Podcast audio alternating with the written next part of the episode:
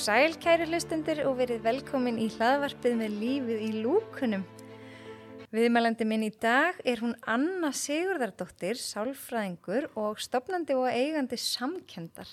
Ég er alveg ótrúlega glöð að vera búin að fá þið hinga til mín. Verður velkomin. Takk fyrir og bara eindislegt að vera bóðið. Mér langar svolítið bara að við bara dempum okkur strax í spurningarnar og mér langar svolítið að byrja bara að kynnast önnu. Hver er Anna? Mjög góð spurning. Ég spyr með þessu reglulega.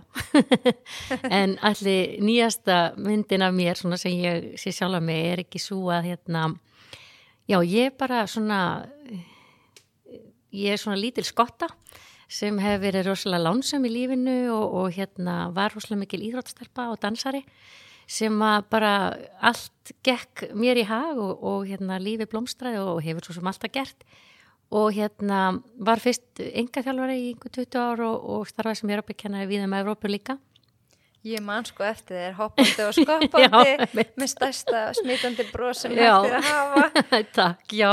Maður var alveg ágættur þarna og hérna náði að, að miðla frá sér mitt þessari gleði og reyfingunni og það hefur alltaf verið svolítið hjart, mitt hjartamál er að miðla mitt velíðan eða gleði eða hlátri eða tilfinningum og það var náttúrulega það sem ég var að upplifa í dansinum líka þegar ég var í mhm. dansinum. Síðan fór ég úr hérna þessu yfir í sálfræðinám þegar mér fannst einhvern veginn sem ég langaði svo að vinna meira með allar þessar kvillar sem var að ángra fólk sem að voru kannski koma timmin í líkasættina og mér fannst þess að ég ætti að fara að vinna meira með orsökinn en afleðingana. Mm. Það var ástæðið fyrir að ég fór í sálfræðinám og á meðan ég fór að sálfræði námið þá kynntist ég manninu mínum, eignaðist fimböld, fór í háskólanám, byggði hús og ímislegt gerðist í lífinu, mjög skemmtilegt og spennandi líka en, en einmitt ekta svona ofur kona sem ætlar að gera allt í einu og maður hugsa ekkert út í það þá. En já þannig svo náttúrulega þetta ég þegar ég er búin að læra sálfræðina það er engin ein leið að bata eða að heilsu mm -hmm. og það henda fólki mismjönd að fara hvar því hendur að fara inn að vinna með heilsuna að hérna það er ekkit alltaf hendur ekkit alltaf öllum að vinna með hugafarið það getur, þú getur byrjað á reyfingunni eða mm -hmm. mataræðinu og þannig að já þannig í dag er ég svolítið svona bara já, heilsufrík á alla hliðar e, sérstaklega andlega og svo náttúrulega eins og að því ég var svo hraust þá uh, svo misti ég heilsuna 2017 og hérna hefur að vinna mig upp úr því mm -hmm. þannig að fyrir mér í dag er ég svona bara svona mjög mikil vorjur, þú veist, ég upplifið mig svona miklu sterkar í dag sem mannesku held en ég leita á mig áður fyrr og ég er bara svolítið stolt að því. Það er frábært. og næðislegt. En hvað, sko, hvernig myndur þið skilgreina sálfræði, eða sálfræðing, að mér er svolítið gaman að skilgreina hluti. Já. Hvert er svona aðal bara markmið eða sálfræðings? Þetta er alveg óbúslega góð spurning, en það er mjög öll svara en það er kannski vegna þess að að við eigum í rauninni að geta verið svo margt, við eigum að vera þessi hlustandi, við eigum líka að vera fagaðileg til að leiðbeina og margir vilja lýsa sálfrængi sem í rauninni svona leiðsögumanni sem að hérna, leið, leiðbini þér í átt að hjálpleiri hægðun eða hugafæri til að þér líði betur í einn skinn og einn lífi. Mm -hmm. Þannig að já, kannski leiðsögumæður sé besta orðið en að því að stundum er við allt, við erum líka Stundum eru við fyrirmyndir sem uppalendur til þess að kenna fólki upp, hérna, uppbyggilegri samskipti mm -hmm. og þá þurfum við líka að sína það í hérna, viðtalinu og ekki, við erum líka mennsk þannig að það gengur líka ekki alltaf upp um, og við erum líka þetta hvetjandur og, og, hérna, og stuðningsaðilar þannig að þetta er, já, þetta er vitt, vitt hérna, starfsheiti mm -hmm. en alveg óbáslega gefandi um leiðu það er krefjandi, bara óbúslega gaman að vinna við þetta og leiðinni fær maður að skapa með skjólstæðingunum.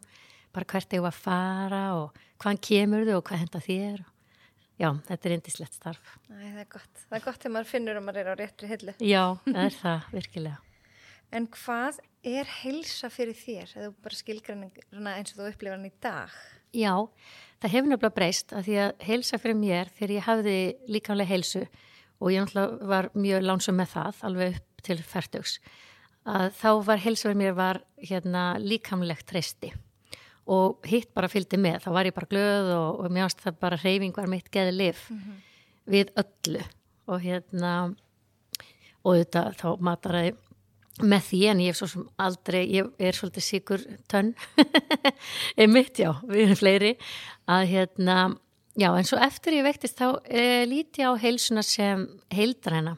Að þetta er í rauninni, þú veist, ég finn svo mikið mun á mér að, að hérna, að ef ég er með huga ró, þá upplifir ég smikla ró í líkamannum og sefun og slökun. Mm -hmm. og um leið finn ég líka, ef ég stundar að líka sagt eftir getu í dag, þá upplifir ég gleði. Þannig að mér finnst í dag er ég að vefja þessu svona saman og líka falli um og góðum mat. Þannig að og inn í þessu rautasvefnin og þú veist, maður getur talið upp endalust og, veist, og líka að, að, að hérna, þetta er margþægt að umvefja sér fólki sem næri mann og, og hérna sækja í, til dæmis ég sækja miklu meir í einveru, það hefði enginn trúaði hér áður fyrr að ég myndi sækja þögn og einveru. En hérna já, þannig að fyrir mér er þetta orðið miklu meira heildrænt en það var. Mm -hmm og, og hérna, já, bara skilur eftir sig mikla svona hugar og sátt í hjarta og huga, svona innri frið. Minn, viltu segja okkur eitthvað frá eh, sko helsumissir, mm -hmm. það er náttúrulega mjög alvarlegt. Já. Viltu eitthvað segja okkur frá þinni sögu?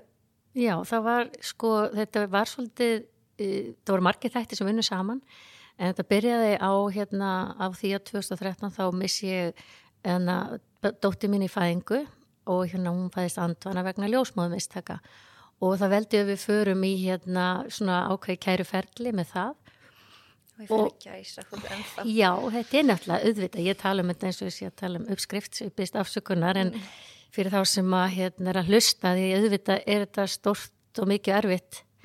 En ég hérna, ég er náttúrulega búin að vinna mikið úr þessu í dag og í dag tala ég mikið um þetta við aðra sem hafa mist og miðla því áfram og bara hvernig hægt að lifa með því. Og eiginlega bæði það að fara í kærumál Olliði líka að maður hangir svolítið í reyðinni mm -hmm. sem að þannig að eftir að higgja þá, þú veist, er ég alveg efins um endilega að það hefur verið rétt mín vegna. Þó svo að í gegnum kæru vinnuna og þá fekk maður auðvitað bætur til að vinna upp heilsu brestinn e, maður fekk líka að kom áleis breytingar á hérna meðgöngu reglum fyrir konu 40 ára eldri var þrjár, þreymur reglum breytt og okay. umunum var stífari sem ég er rosa þakklátt fyrir að, að dótti mín kom til leiða og ég, mm, yeah. við saman uh, svo það hafði áhrif á henni hennan hérna, hei, að það mótaðist, myndaði svona heilsubrestur og bara uppsöfnum streitu en óna það er náttúrulega það að ég sem karakter er svo mikið dúer og einmitt svona svolítið eins og ég sé þig svona orkubolti, ofslega kröftu og bara finnst gaman að vinna og opboslega ástriðið full í því sem ég geri og þannig ég náttúrulega þetta fór að vinna samt á fullu og, og fannst ég verið að leggja sorgina svolítið til hliðar en var ekki átt að maður væri að grassera þarna undir mm -hmm. og var auðvitað að vinna í eina hluta til en, en, hérna, en þetta er náttúrulega stórt fyrirbæri að ná utanum já og svo hérna e, já, þannig ég vinn í rauninni of mikið þú veist þannig að álægið og streitan hérna sessvaldi líka mann ón á það. Nú í kjálfari líka veikist pappi, hann fær greinst með MND og lamast og, og þeir svo stutt setna og mamma fær krabba megin og, og þá er líka svona einmitt, eins og bara lífið er kannski.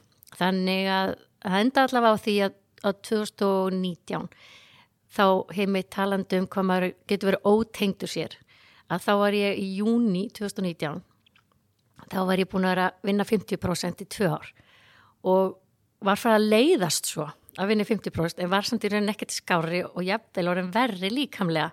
Sérst ég fekk verki í mjöðmagrind og bara í alla liði sem að var bara stóðkjörsverkir út af áfalli. Mm -hmm.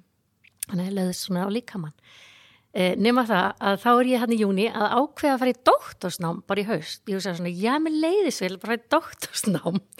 Ringinir í HR og aðtökunar námsrakið var og búin að ákveða hvað ég ætla að fara að læra.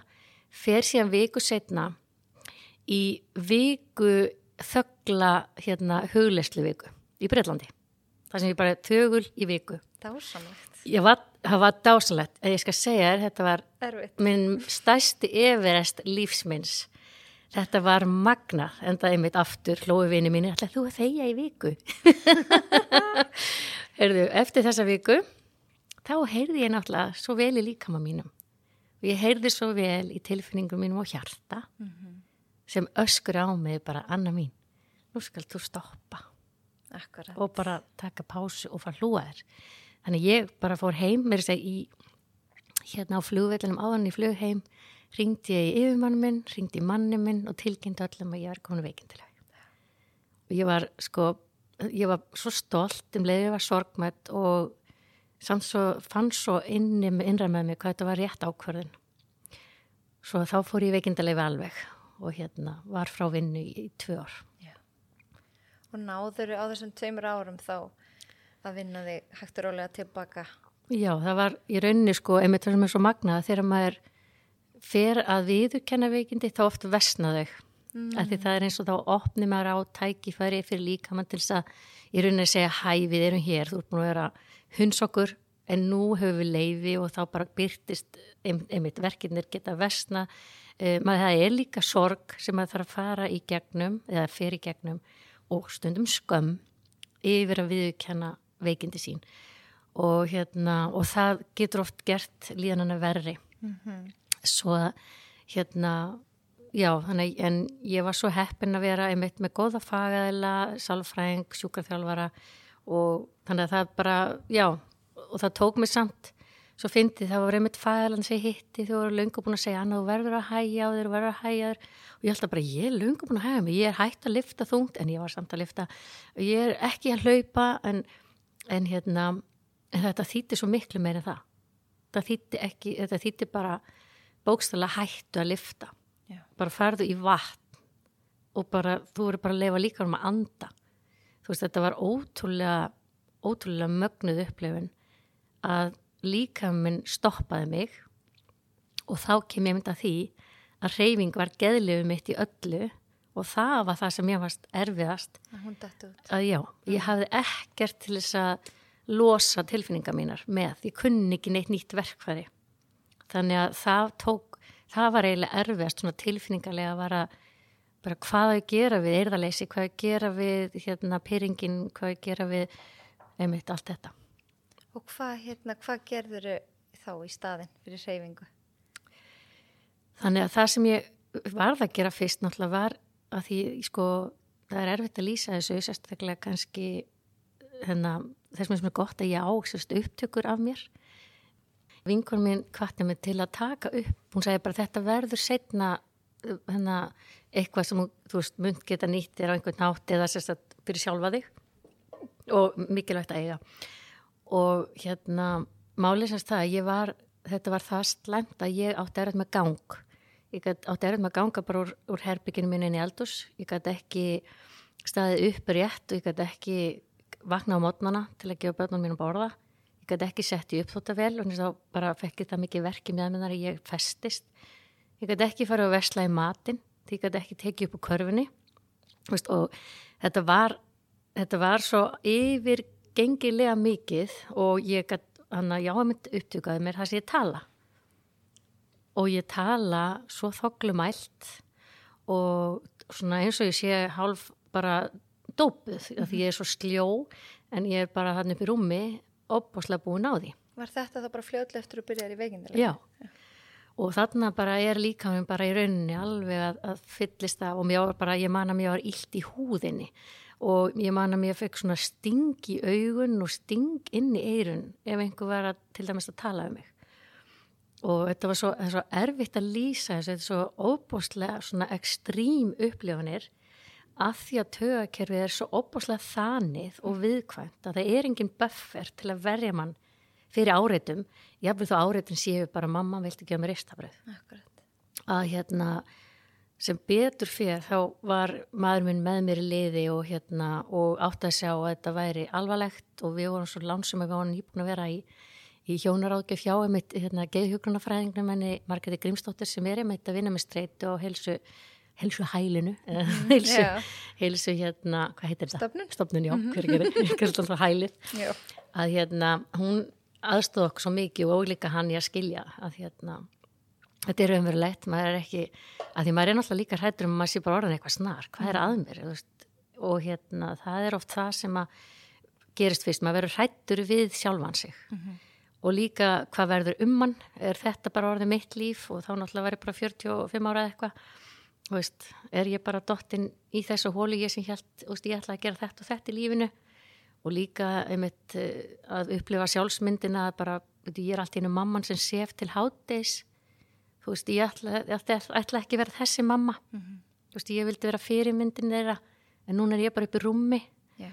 þannig að þessi vinna og öll Og ofan á að líða svona þá er náttúrulega ákveði sorg og áfall að missa heilsuna. Já, það er það nefnilega. Það er nefnilega van svona metið að það er rosalega áfallega því að sjálfsmyndin okkar er svo tengd hérna, vinnu starfsheitun okkar. Þannig að um leið og þú getur ekki sint starfsheitinu þínu, eða starf, já, þau sem þú mentaði til eða vinnu við, að þá er, eða það er tekið af því, þá er svo oft sem við situm uppi sem ekkert. Ef við upplifum okkur þannig, ég er ekki að segja að sé rétt, það er ekki holdt og ekki gott fyrir okkur, en við höfum nefnilega tamið okkar að við erum vinnan okkar. Eða við erum hreyfingin eins og sumir, þú veist, hafa heilstu til að hlaupa þessi marathon eða eitthvað svona svo þegar eitthvað kemur fyrir að missa heilsuna þá er búið að taka allt af þeim upplifðir þannig að það fyrir að stað bara opaslega mikil uppbygging með það, með sjálfið sjálfsmyndina uh, og auðvitað bara að mæta líkamannum þar sem hann er svona stokkbólkin og þá er ekki minna það sást engin bólka sko, heldur þetta er bara viðkvæmni í húð og liðum og öllu. Uh, auðvitað bólka í liðum en ekkert svona eitthvað útvortis að bara milda þetta, koma ró á líkamann. Og svo núna er ég fyrst byrja að lifta og það er 2000, já, 2003 og ég veikist hann 2019 og ég er fyrst að byrja að lifta núna. Mm -hmm. og guð það er dásalegt oh, það er bara þá er hann annað litla komin aftur. Æ, ég er á byggkennarinn sem ég kynntist fyrst örgla eða sáði, hvena var þetta kringum 2000? Fyrr, 90? Nei, fyrr, fyrr. já það ekki. Jú kannski, jújú, jú, 90 sjö? Var ég að, já, já, það er eitthvað en allavega hana, þá bara takk fyrir að deila þessu því að mér finnst þetta skipta svo miklu máli fyrir þetta umræðefni upp á þetta, þeir sem er að hlusta kannski hafa mist helsuna þóttir hafa ekki alveg sko, minna, þetta er náttúrulega mjög alvarlegt eins og þú lendir í, en margir margir er að missa helsuna já. hvað, hvað þú veist, eiga þeir að gera til að komast tilbaka? Og það er einmitt máli, mér finnst þetta svo góði punktur hjá þeir er að sko, og mér finnst það líka mikilvægt það er svolítið það sem ég er reyna að miðla áfram hérna, er að það skiptir ekki máli hver orsökin er. Sko orsakir þess að við missum heilsuna geta verið svo bara jafnmarkar og við erum mörg.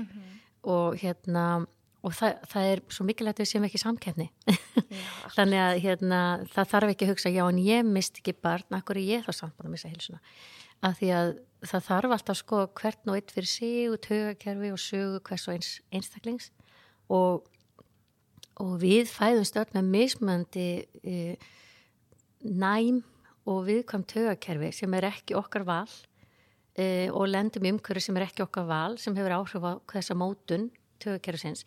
Þannig að það að við setjum kannski upp í veik, hvort sem er hérna 15, 20, 40, 50, 60, 70 ára eða ekki, er sko, þetta er líka hattrætti. Þú veist, þetta er ekki bara að þú er að hérna, borða holt og hreyfa þig þá sleppur þú. Um, en það getur auðvitað hjálpað og ekki líkurnar. En það getur kannski ekki komið veg fyrir ef að grunnur þess að tögakerfi er nefnt fyrir og uppeldisaðstæður líka voru kannski meðandi fyrir svona nefnt tögakerfi að þá erum við þetta hættari fyrir eða viðkamri fyrir að lenda í heilsubrest um, og svo þetta auk, auka einhver áföllið eitthvað svona sem eru svona stærri hlutir. Þannig að yfirleitt er það fyrsta sem að hérna, við þurfum að vinna með þegar við lendum í heilsubrest er að komast yfir skömmina. Ok, það er yfirleitt og sorgina. Uh, og margir sem að lenda í heilsuprest uh, sem eru uh, oft er þetta mjög duglegt fólk og hérna og kunni ekki annan að vera duglegt í að gera duglegt í að framkvæma og þá heyruru að það er alls og ég var. Ég var svo dugleg í að hreyfa mig að þegar ég misti þá getu þá hafði ég enginn önnur verkfæri. Akkurat. Þannig að við þurfum að vera fjölhæfari á að vera dugli að gera ekkert eða duglega í að kvílast eða duglega í að sitja í þögn. Fólki finnst þetta náttúrulega skelvilegt og upplifur bara pyrring og eirðaleysi og Einmitt. Og ég er svo glöður segir þetta. Ég er sem sagt að kenna jóka hérna í, í, í MH, Já, það er hluti af íþróttunum. Og mjög vinsælt val. Og þar reyni ég einmitt að sko taka alltaf í hverjum einasta tíma í lokin slökun eða núvut undaræfingu eða undunaræfingu þannig að þau hafi þessi bjargráð. Já, ef þau lenda einhver tíman í einhverju, bara margir að glíma við, þú veist, kvíða og streitu og alls konar, Mhm. því miður, alltaf mikið ungu fólki að glíma við það í dag, en að kunna líka gera ekki neitt, að nákvæmlega. sitja í fimm minútur og gera ekkert, það er bara margir sem er erfitt með það. Já, og þetta er bara gott Á að heyra því að þetta er svo dýrmætt. Vegna þess að sko líka ef maður pælir í því eldri sem við verðum, þannig að getan okkar verður minni, þannig að mögulega verður staðan svo að við munum þurfa að þóla betur við í að gera ekkert án þess að endilega eitthvað vera að leiðast. Já, já, Og það nefnilega munun er eins og sem að hérna einmitt mér var kent að ég man að þegar hérna vinkunum mínu hættu að eiga sínbötn og ég á einn ungan en þá að, að, þá man ég að ég segi hvað ætla ég að fara að gera? Þú veist, þá þarf ég að fara að hugsa um mig. Þú veist, ég trú ekki að hafa sagt það upphátt en, en það var bara líku veirðaleysi sem við hendum í fleiri börn sko, og hérna að það er einmitt þetta, hvað ég að gera og, og kvíða fyrir að tækla sjálfan sig en hérna já, þetta er, þetta er nefnilega magna verkfæri sem að þú ert að kenna og það er dásanlegt að heyra það af því að, að þetta er svo mikil styrkur að geta að þóla við og meir sér að þóla við að vera pyrraður í hugleyslu Þú veist, Já, já. að læra að þóla við Mhm. í sama hverju, hverju sem er Ég, sko, við kenna alveg, ég átti mjög erfitt með þetta. já, og bara ef ég tek sko núvitundaræfingar eða haulislæfingar þá sko meðan það skemmtileg samlíking sem einhver sagði, ímyndar það sé bara sem svo hundur í, eða kvolpur í bandi. Hann er Nákvæmlega. alltaf að hleypa í burtu þú bara kippur aftur í, í, í taumin já, og þá er, þú veist, er, ertu komin aftur og svo hleypur hann aðeins í burtu svo bara kippur aftur í taumin og það er allt í lægi að leifa hugsunum bara koma en að leifa þeim líka fara. Já ekki dvelja við þær, það er kannski bara þessi núvitund. Já, þetta er mjög flott líking, við nota nefnt mikið líka, að því að einmitt að því það er, fólk er oft með ránkvæmyndir um hvað núvitund er eða hugleisla er, hugleisla og svo auðvitað marga tegundir, að til dæmis ég á erfitt með svona sjálfstæðar það sem ég sit bara og er að tala um mig sjálf nema ég sé reyndar að, að mambla einhverja möndurur e, það sem ég er að peppa mig áfram annarkvort bara þetta verður allt í læg, þú ert alveg góð eða, eða hérna slaka nú bara á eitthvað svo leis, en ég nota rosa mikið það sem að mér er sagt fyrir verkum. Veist, Ok. það sem er, þá eru hugleislega leiðandi. Já, og það, maður þarf um þetta að finna ég meina, ef ég segi bara við skjólstæðingað einhvern segi, ég mæli með hugleislu þá er það svolítið eins og þú myndir segja ég mæli um íþrótt einmitt Þetta er yfirheiti og fólk fattar ekki að þetta er yfirheiti á svo opbáslega miklu fjölbreytileika af nálgunum. veist, það, það er hægt að sita alein í klukkutíma og bara einmitt að þjálfa hugurinn kemur hugur fyrr eða hvert fyrir hann og, og, og sækjan.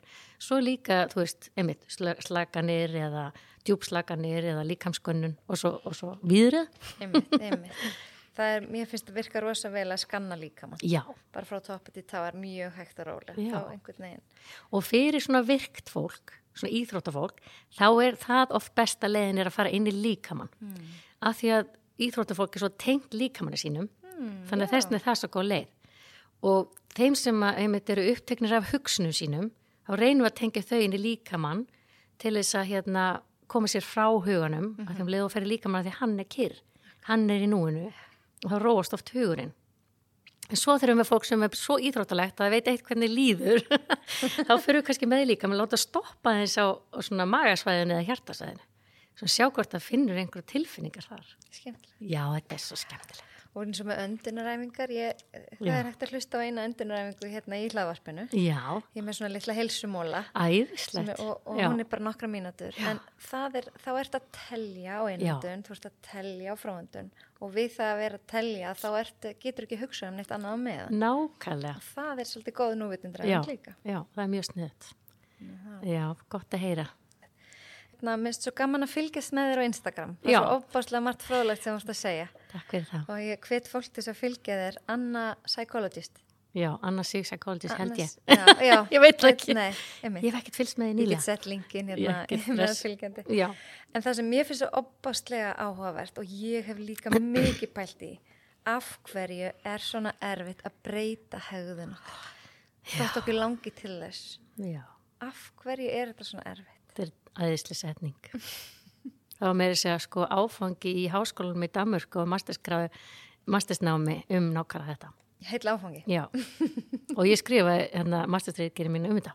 Nú getum við tekið kannski fimm minútur. Já, fimm minútur, þú fær fimm minútur, já, elsku besta. Þetta er nefnilega, mál er að þetta er nefnilega svo, þetta er bara eins og allt með heilan líkamann og mannskeppnuna. Þetta er svo flókið, um, þetta er flókið og einfalt, en, en mál er að við erum svo sjálfverk, við erum svo mikið vana dýr og þú hefur heyrt þetta þúsund sinnum en þú veist, það talaði hvað, 95-80% af því sem við gerum, gerum við ánfullra vitundar ánfullra meðutundar án þá mikillar orgu sem veldi og þetta er svo einfalt fyrir líka mann endur taka og mér finnst svolítið gott að hérna, tengi þetta við svona taugabrautinnar að þú veist eins og flest okkar kannski þú veist, tampustum okkur eða að hvernig hefur þú pælt í hvernig þú tampast það, byrjaru uppi í efri góðum vinstramein eða og mjög líklega veistu það ekki, ef þú veist að þá er, er það undatekning en oftast vitum við ekki hvernig við byrjum en við gerum þetta samt alltaf eins. Mm. að því að þetta bara er sjálfvirk hegðun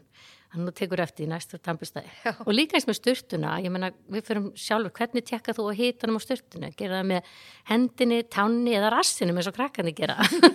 Og stekku sér hann út af því það er á kalti heit um, og þetta er líka þessi sjálfvirka hegðun. Þannig að ef að ég myndi til dæmis, já ef ég held aðeins áfram með þetta með tögabræðnar þannig að það er rauninni það sem búið að gerast er að, að við erum með svo marga fyrirvara eða tryggjara í undanfara eins og bara segjum að núna klukkan eitthvað að degi til þá er þessi byrta að degi.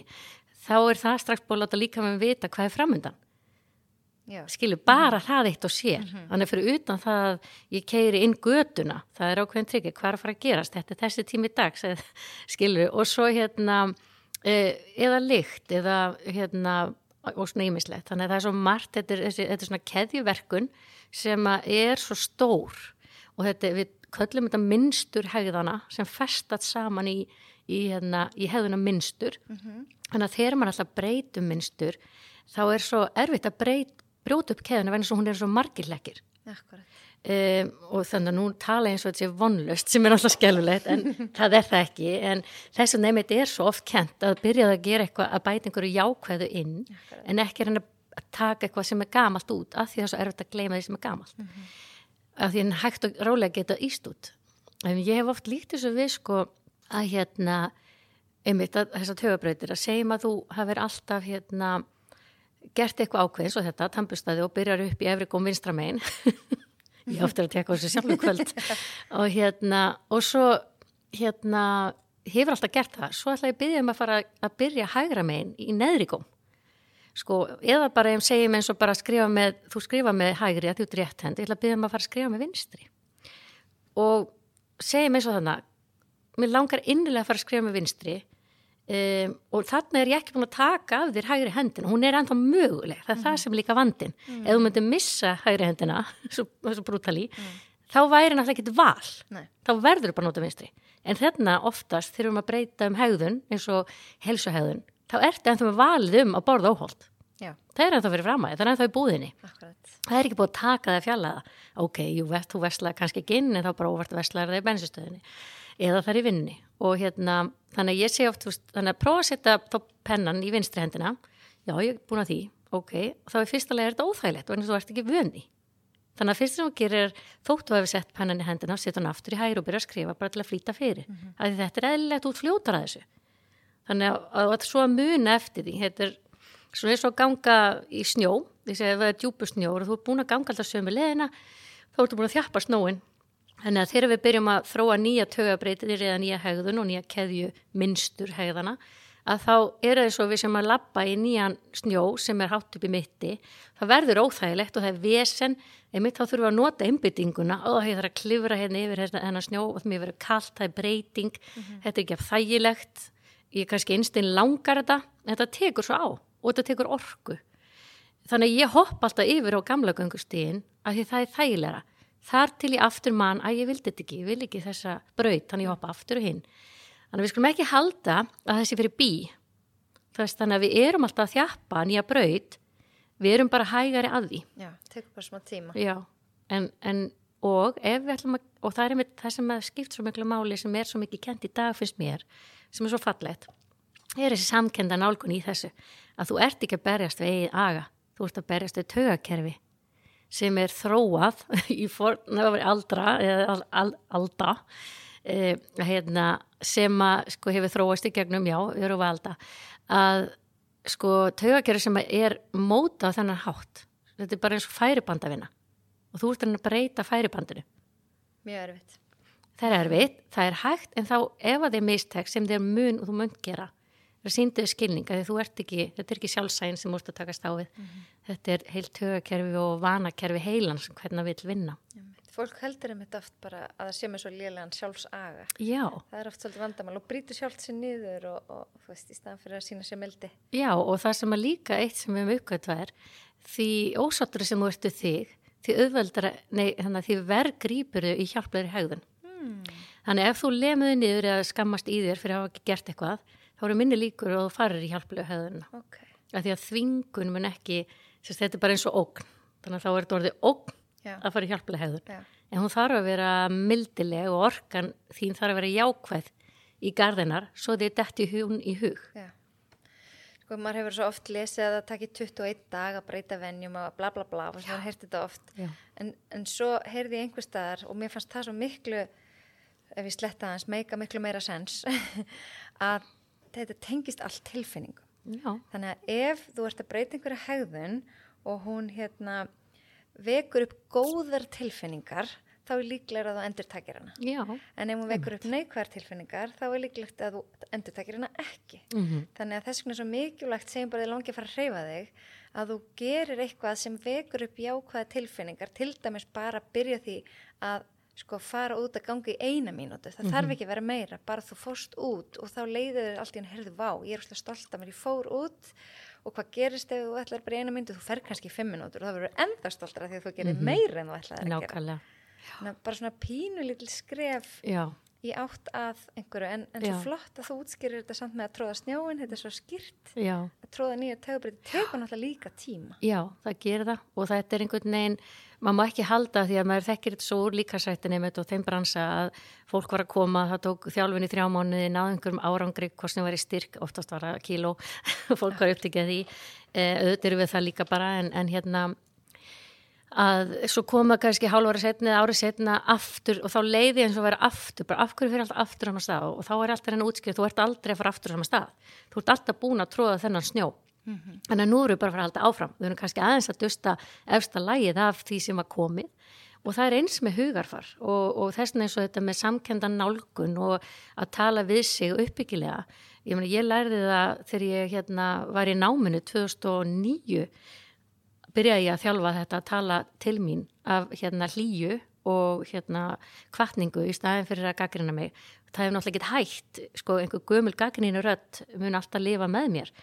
En hún er mishávær og, og því hérna betur sem ég hef einmitt þróa þessa nýju samkendarödd og þessi einmitt marka þessi nýju spóri í snjóin e, samkendar, þá er ég er alltaf auðveldar auðveldar að sækjana þannig í dag á ég miklu auðveldra með það uh, að mæta gaggrinni röddinni og róana. Í staðin fyrir að vera sko ef að gaggrinni röddu kemur og ég sé svegt út í það, þá vestnar hún. Þá svolítið- gefur henni orku. Það sem, hvað segir hann alltaf Guðni Gunnars? Það sem að þú veitir aðtikli vex já, og dafnar. Já, já, já. Ef þú veitir neikvæða hugsunum aðtikli þá vaksa þær. Já, ef þú veitir jákvæða já, hugsunum aðtikli þá vaksa þær. Já, já. Það er alltaf gott. En hvernig lærum við að setja okkur sjálf í fyrsta sæti Já, spurning. Um, ég er með óksla leðilegt kommentir þess. sko, ég, mín upplifun svo að við það ekki nefnum lendum einhverju vegg. Það er ógislega leðilegt að segja. Uh, að því að ef að þú ert ekki að upplifa sársöka eða óþægindi í því sem þú ert að gera þá ert ekki að fara að breyta því. mm En þegar þú ert búin að fatta það að þá er mitt bara þetta, sko ég held það sem ég myndi vilja kenna börnunum mínum og ég vilja læra fyrr er að læra að hlusta betur á mig og líkama minn veist, og, og læra að skilja hvað hann er að segja mér betur svo ég hef geta gripið inn í þegar áður, en- áður en ég brást við sjálfvirt þú veist, af einhvers konar hérna e, lærðum viðbröðum eða kannski til að brjóta einmitt upp viðbröð þannig að segðu aftur hvað að spyrja mig um? Hvernig við lærum að setja okkur sjálf í fyrsta sæti? Já, að því að sko að því að ef að við erum ekki þannig að við höfum lært það þá er það náttúrulega í, í uppeldi okkar og við höfum þá líka tögkerfi okkar hefur þá valið fyrir okkur að það væri ekki annarkort í lægi að gera eða hérna það væri ekki uh, já það væri ekki lægi eða það er ekki í bóði og þannig að þá þarf maður auðvitað bara að byrja á því að skoða hvaðan það kemur. Hvaðan kemur rött að ég geta ekki vinna með hana eða tilfinning og kannski svolítið að sætast við að hún er gömul. Mm -hmm. hún er kannski ekki svo sem ég er í dag. Í dag er mitt hérna og ég þekki þetta sjálf að hérna mamma mín náttúrulega þú veist af tíu sískinum og, og ólst upp það sem var veist, móðurinn og konan átti að vinna og hún, ég minna hún hefur mitt sagðið mér eins og frá því hún hefur lagt sig einhver tíman eftir hún var búin að eignast þrjúböld 23 ára og var sjön sinna heimilishaldi og allt þetta. Og þá hefur pappi tekið myndan eða hún læði sig. Og hún var svo, hérna skammaði sín svo. Að hún reyf myndina. Hún sagði mér þetta eins og vegna þess að ég náttúrulega þegar ég veiktist þá hérna, þurfti ég að vera alltaf að leggja mig. Já. og það var rosalega erfitt að komast yfir þá tilfinningu, skammar tilfinninguna hvað ég væri með mikil aumingi. Og um leið og ég var að reyna að, að hérna, styrja, styrja þá hugsun að ég er að standa með mér, ég er að hlúa að mér ég er að setja við fyrsta seti og ég má það. Og það sem var líka svo magnað og svo aðdánavert var að ég horfið á mömmu sem hefði skammað sín allæfi fyrir að vera löti og hún kvildi sig sá hann að berjast við þessar tvær hliðar. Hún horfið á dótti sín að veika vildi á hún kvildi sig að hún vissi að það hefði hún gott af. Mm -hmm. henni leðinu öskraði röttin í henni er þetta í læg veist, að, og þetta var, þetta var bara óbúst af skóli og við gáttum rætt þetta og þetta var þannig að að setja sér í fyrsta seti maður hefði bara kannski kannski fyrsta skrifið líka að spyrja sig hvað er mér allavega mikilvægt að byrja á? Mm -hmm. veist, þannig að það verður ekki á yfirþyrmandi. Og þannig að til dæmis segjum að ég sé finnist ég ekki að hafa neitt pláss í lífi mínu að þá kannski bara setja nefnir lítinn punkt. Hvað myndi, hvað myndi skipta um máli? Og hérna að byrja bara á hér og nú. Bara hægt og róleg, lítil skref eins og segjum, til þess að byrja að þjappa nýja brautir í snjónum. Og ég talaði um það bara núna í, í vikunni á Instagram, ég var að tala um að mér er svolítið góð æfing sem er notið í akt sem er í meðferðarform þar sem að maður á að hérna, ímynda sér að maður sé að lesa minningagreinum sjálfan sig. Einmitt, fólk verður oft bara ég er ekki fara að gera það, ég sendi þau heim og segi nú ætlaðu að fara heim og skrifa minningagreinum um þig og sem er bara neyta og segja ok, skrifa það bara eitthvað um þig og hætta að kalla þetta minningagrein en hérna það snýst um það að þú ímyndir að þú sértir svona búin að lifa bara til eins langt og þú vill lifa, bara 8 eða 100 og þú ímyndir að þetta sé minningagrein um þig um hvernig þú hafið lifað og mm. hvaða áhrif ef þú hafið á samfélagið þitt, eh, hvernig þú varst í samskiptum, bæði við samstafsfélaga, fjölskyldu, meðlið með börn og svo framvegs, hvernig karakter varstu, hvaða gildi sá fólk sem þú hafðir í þér, sem mm. það, þú miðlaðir áfram, en líka hérna, varst, hvernig fyrirmynd varstu? Og hérna og síðan þegar þú er búin að skrifa þetta allt niður að, að átt að sjá hvað er að segja vil og það að setja sig í forgang er svolítið maður kannski stundum að finna byrju hvað vil ég, hver vil ég vera? Og jáfnveg þó ég sé kannski ekki endalega í dag þá er allan að fyrst að skrifa að sjá hvert er ég að fara að stefna? Hver vil ég, hver vil ég verða? Já, hver vil ég verða? Og hvað af þessu er ég þá allan að kannski komin á leist með? Eins og, eins og bara ég hugsaði áður en vektist að þá var ég svo fyrirmynd barnana minna að ég var virkilega ósérlífin uh, ég var líka kvíðin og ég gekk fram að mér í metnaði.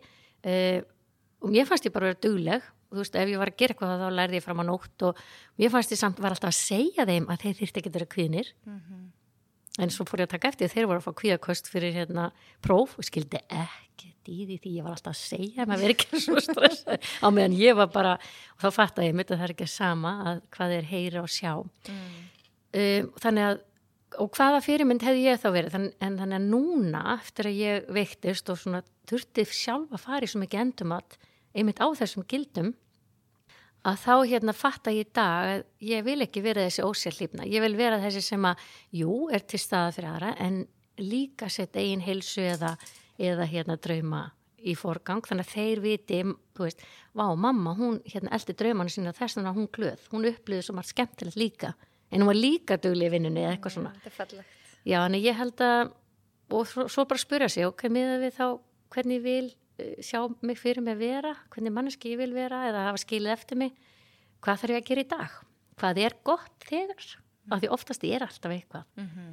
mér finnst mikið tími að minni vinnu í viðtunum fara í að benda fólki á það sem það er að gera gott og það sem það er að gera sem er hérna uppbyggilegt og að kenna þeim að nota það bara markvist Mm -hmm.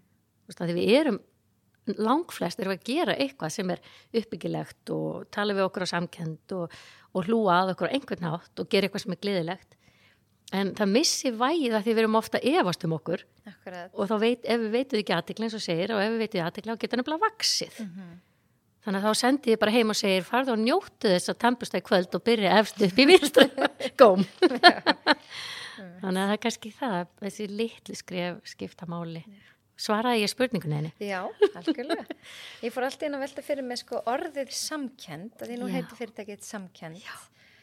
Uh, hvernig myndur þú lýsa því? Þú ert búin að nota það svolítið oft? Já, sko okkur er kent það í, í náminu, ég sérst hef sérhæft mig í, hérna, í samgendar meðferða nálgun og hérna um, og það er henni það að hafa næmni til að hérna að þró, eða þróa með sér næmni til þess að nema þjáningu annara eða mín eigin og hafa þessa einlegu óskum að lina hana Hmm. Ok. og það er sko samkend, það er þess að bæði að geta numið hérna, sásöka og líka hafa styrk og hugreikki til þess að linana, jafnvel með þó að þýði að fara inn í óta eða vanlíðan Mhm. og þannig að hérna, það er þýðing okkar á samkend í dag eða compassion orðinu og þess vegna er mitt hérna og ég kannski fæði leiði þá beint yfir í samkenda vinnustæði minn sem er einmitt svolítið svona. Og hérna að við erum einmitt núna einmitt að fara að gefa svo mikið af okkur.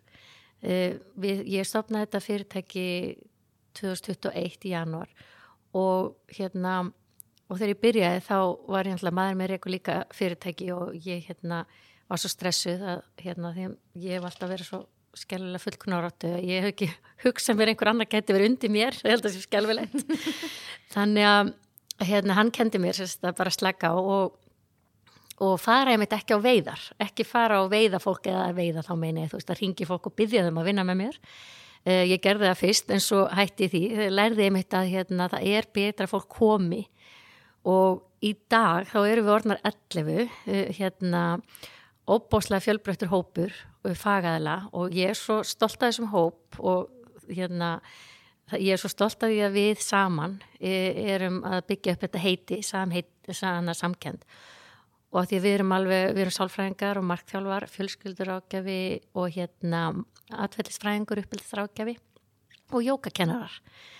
Og ég sá alltaf fyrir mér að þetta væri staður það sem að maður myndi geta gengið inn og væri bara svona einhvern veginn umvafin hlýju og væntuþykju og leittur áfram í einhverju velíðan hvort sem að með einhverju meðferðagreiningum sálfræðinni eða með einhver stuðning með fjölskyldunar eða með eitt jóka eða einhvers konar hugleislur og alls engin börn Hljómar dásamlega. Já, ég var bara, já, þetta verður ekki fyrir börn og því miður. En hérna, já, en við erum að fara að stað núna, við höfum árlega gefið á okkur til samfélagsins. Í fyrra vorum við að styðja, hérna, styðja þá sem áttu eröð með í desember og, og núna ætlum við að bjóða upp á bara opna, hérna, opin fræðsleirindi og jókatíma allan oktober. Dásamlega. Já, og við bara allar að gefa vinnuna sína og við erum allar að springa úr ástriðu og græðir enginn á því. en Jú, allir sem mæta. já, ég er að segja það, þeir sem mæta og hérna, við bara, þetta er bara svo gaman að vinna með fólki sem að, hérna, finnst gaman í vinnunni Mhm. og bara, en er samt ekki heldur að ganga fram á sér, sko, minnum okkur það. Og það hefur við eiginlega alla sammeilegt að við erum allar að læra af skólanum, skólalífsins og erum allar að hjálpa stað. Það er, koma, það er svo sætað mig að segja alltaf, Annette, alveg vissum að þú hérna, viljir gera það, hefur þú orku í það? Ég hef aldrei upplifað svona dásamlega umhyggjusemi á starfstað. Yfirleitt er fólk bara, já, já, getur þú ekki gert það? Þú Veist, þannig að mér finnst þetta dásamlegt. Æ, gott. Já, ég hef komin á góðan stað. Þannig. Sko, Þegar fólk leitar til sálfræðings það verður náttúrulega yfirleitt alltaf tengt tilfinningum. Er Já. það ekki? Því fór eitthvað hug sem við erum búin að tala um, þú veist, sorg og, og hérna gleði og samkend og allt þetta. Mm Það vaknaði sérst einhver svona hugsun hjá mér bara, fyrst, og að ég hef heyrt að tilfinningar bara eru mm. og, og hérna, en tilfinningar geta samt verið svo sterkar að það er heldtakamann Já, og er, er það kannski svolítið það sem þið eru að hjálpa fólki þá, eins og þú sagðir áðan, að fara inn í sorgina Já. eða fara inn í einmitt, góð, góð spurning vegna þess að áðan þann myndist á hann Guðna sem er náttúrulega bara dásanlegur og hann hérna er einmitt að hjálpa fólki að leggja á aðteglu á áherslu á að leggja aðteglu það góða og, og láta það vaksa. Ég þekki hans fræði ekkert meir en þetta og bara dásanlegt en hérna málið er það og það er það sem er svo mikilvægt að það er, við þurfum eiginlega að hafa alla þessa valkosti. Það hendar ekkert öllum bara alveg svo það hendar mér ekki að hlaupa núna en það hendar þér að hlaupa. Þú veist að hérna, en bæði er gott og um, mál er að, að e, það er eiginlega þannig að ég líki svo ofta svona hvað er þess að hólu og hérna ég sé fyrir mig allt svona hólu og í jörðina og ef að þú ert komin bara smáan í hóluna að því í miðri hólun er svona lítið trampolín. Gegnsætt, sér þetta fyrir Mhm. ok, og allt sem gerist fyrir ofan trampolíni sem er í miðri hólunni það er, einmitt, það er bara svona lítið hjálpatæki sem skoppa er alltaf aftur upp á jörðina og þar eru verkværi sem virka þegar maður er ekki að fara dýbra ón í vanljan en þetta. Þannig að verkværi eins og verður bara jákvæður segðu við sjálfa að það sé allt í læg uh, hugsaðum það jákvæð og svona. Það virkar 150% á þá sem fara ekki neðar í vanljan og það má ég að segja, ég líti á þannig að þeir sem fara niður fyrir trampolínið þannig að vanljanin verður það mikil að þessi verkværi virki ekki lengur. Þar eru við að vinna við sálfræðingarnir. Það er mín upplifun, það getur vel verið einhversi ósámála, en það er svona mín útskýring til að útskýra, skemmtileg samlegging já að því að ég fæ svo oft hérna kannski, þeir sem er nefnilega dýbrún í hólunni, koma til mín og segja þessi sagði nú bara, hugst það bara jákvætt og hún skilur ekkit, þá segja ég já, ég skil að það er erfitt fyrir því að heyra það vegna þess að það er hérna kannski humbúk eða algjör vittlisa fyrir þig, en það er samt rétt verkfæri fyrir þá sem eru ofar í hólunni. Þannig að það er ekkit, það er ekki vitlisa, en það er bara ekki rétt um, þú ert ekki að segja við aðalega sem að er á þeim stað. Þannig að, já, þannig að þegar við tölum um að fara inn í tilfinningarnar, þá er það eins og til þess að skoða, því við viljum meina að hver og einn uh, tilfinning, eða það er, það er ástæði fyrir að tilfinninga byrtast, þá er það hérna, þannig að þær eru aflengur einhverju sem þú varst að upplifa og þá spyrir maður sig, hvað er þeir þá að segja? Já, Þannig að til dæmis er svo bara, mér hlakka til að koma að hitta því. Þannig ég upplifa tillökun. Já. Já, þannig hún er að segja, ég hlakka til. Ok, og þannig en ef ég upplifa kvíða fyrir einhverju, þá spyrir maður, ok, af hverju? Hvað er kvíðin að segja þér? Fyrir hverju ert að kvíða? Þannig að það er eitthvað sem virkaði kvíðan. Og það er eins með reyði, eitthvað virkaði reyðina. En þessar tilfinningar eru líka að segja okkur að þær hafa allar funksjón eins og við köllum. Þær hafa allar, hérna, þær eru að verja okkur fyrir einhverju og þá spyrir maður fyrir hverju? Akkur, ak, fyrir hverju er kvíðin að verja mig? Akkur er svona kvíðin? Hvað heldur eiginlega sé að fara að gerast? Þannig að við, einmitt í samkyndanálkunni, förum við til þess að, hérna, að skoða dýbra hvað hver og einn tilfinning hann hún fá í rauninni rými að því að alveg svo ég lendi í að þegar við heilsubrestinn og sorgina er að að því ég var einmitt líka svo jákvæð alltaf og er að átta mig á, ég er ennþá ég er aftur að ná jákvæðinni að verða svolítið þarna á efri trampolínu sem er dásamlegt að upplifa að það sem gerðist var einmitt að ég var einmitt að takast á við svo margt og ég vissi rauninni ekkit einmitt, ég skil ekki, hvað er ángrað mig? Já, því náttúrulega, þú veist, ég skildi alveg að vera svegt yfir einhverju hilsubrest og eitthvað svona en, en samt, en samt, skilu það kemur, já en samt, ég er nú jákvæð og en samt það er ekki eins og sé eitthvað skjálfild að og það er ekki eins og ég hafa mist fæturnar eða ég er samt rík, þú veist, á fullt af börnum allir elska mig, skilu og þá fer hugurinn þarna í svona svolítið í, í stríð við sjálfa sig og ég er að skammast yfir því að mér líði einhvern veginn og það þessi ég myndi rimma þessi sjálfs árás innan með okkur veld getur valdið svo mikil vanlíðan. En ég bendi samt á að það geta alls sem taka eftir þessari sjálfs árás að því hún gerist að þeim ómeðviðum já, og þannig að þeir upplifa kannski bara slæm enginni, bara vakna allt inn með í kvíðakast á nóttinni, skilja ekkert akkur og maður spyr og hvað varst að hugsa? Ég hugsa aldrei. Og það er það einmitt að því þá er þeir ekki næmir og ég hugafar.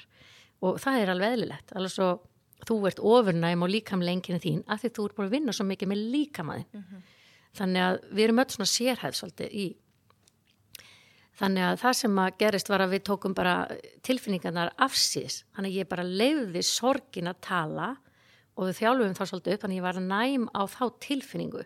Leiði hann að tala og hvað hún var svegt yfir og hvað, hún, hvað þörf hún hafði til að einmitt komast yfir. Mm -hmm.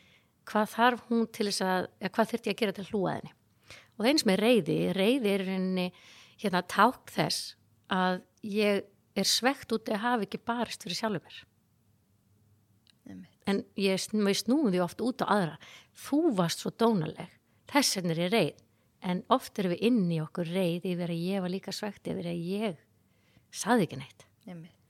Og, og við þurfum að stundum að feysa þetta að því þegar við vinnum ekki með þessari upplifanir þá erum við að sökka onni í þess að hólu fyrir niðan trampolínu og þar kjómum við til að reyna að hlúa aði og þú hefur unnið svolítið mikið með kulnun og örmögnun já, já Það er náttúrulega bara, Já. þá er fólk algjörlega fyrir, langt fyrir neðan trampolínu. Já, það er sko, einmitt, það er eða sko, e, þá og það er að samum þarna að kulnun og örmögnun er í rauninni afleng, það er náttúrulega ekki sjúkdómsgreining það er bara e, afleng af getur verið afleng af mörgu, þannig að mhm. orsaki þess að fólku upplifu kulnun eða örmögnun getur verið ólík.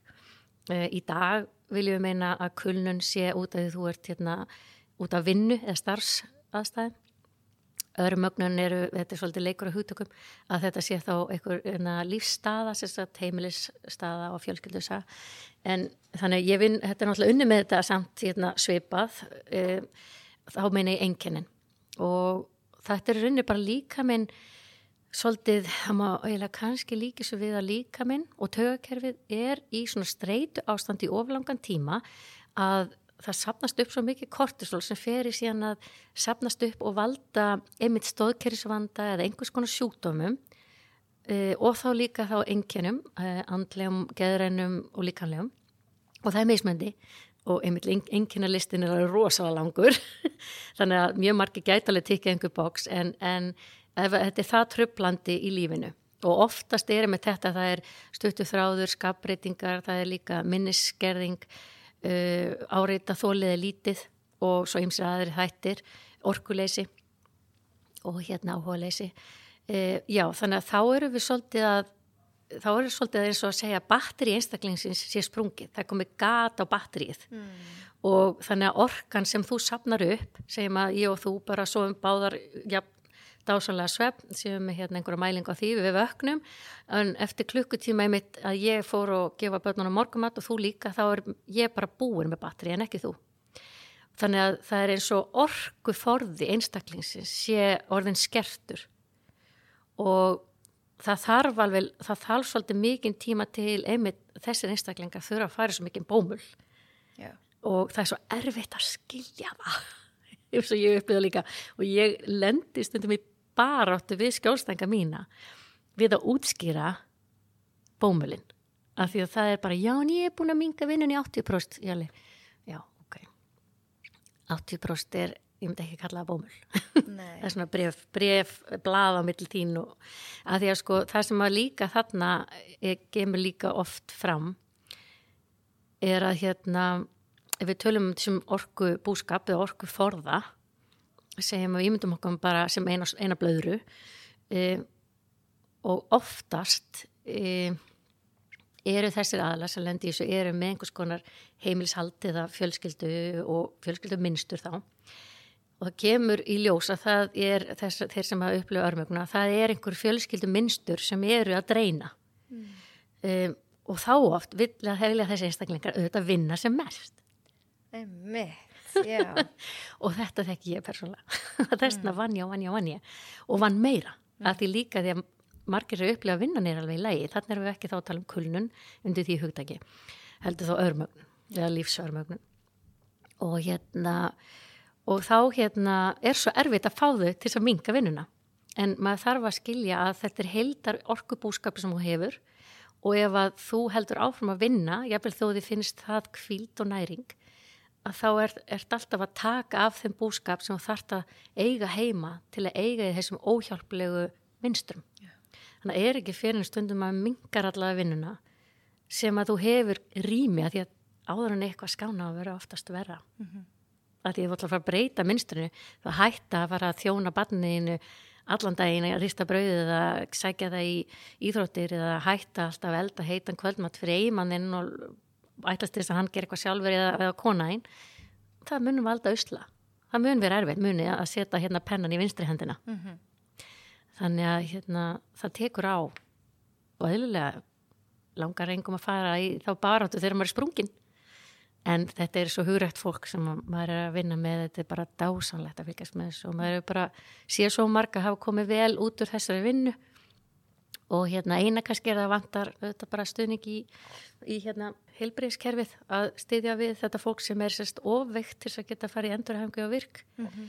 en ekki nóveikt til að fara hérna kannski, auðvitað ekki á öðrorku en, en kannski tímabunna þannig að þetta er svona vantar stuðning fjárhagslegan þannig að þau geti verið að sinna sálfræði meðferð, þú veist, líka sagt sjúkarþjálun en þetta er mjög skemmtileg vinna.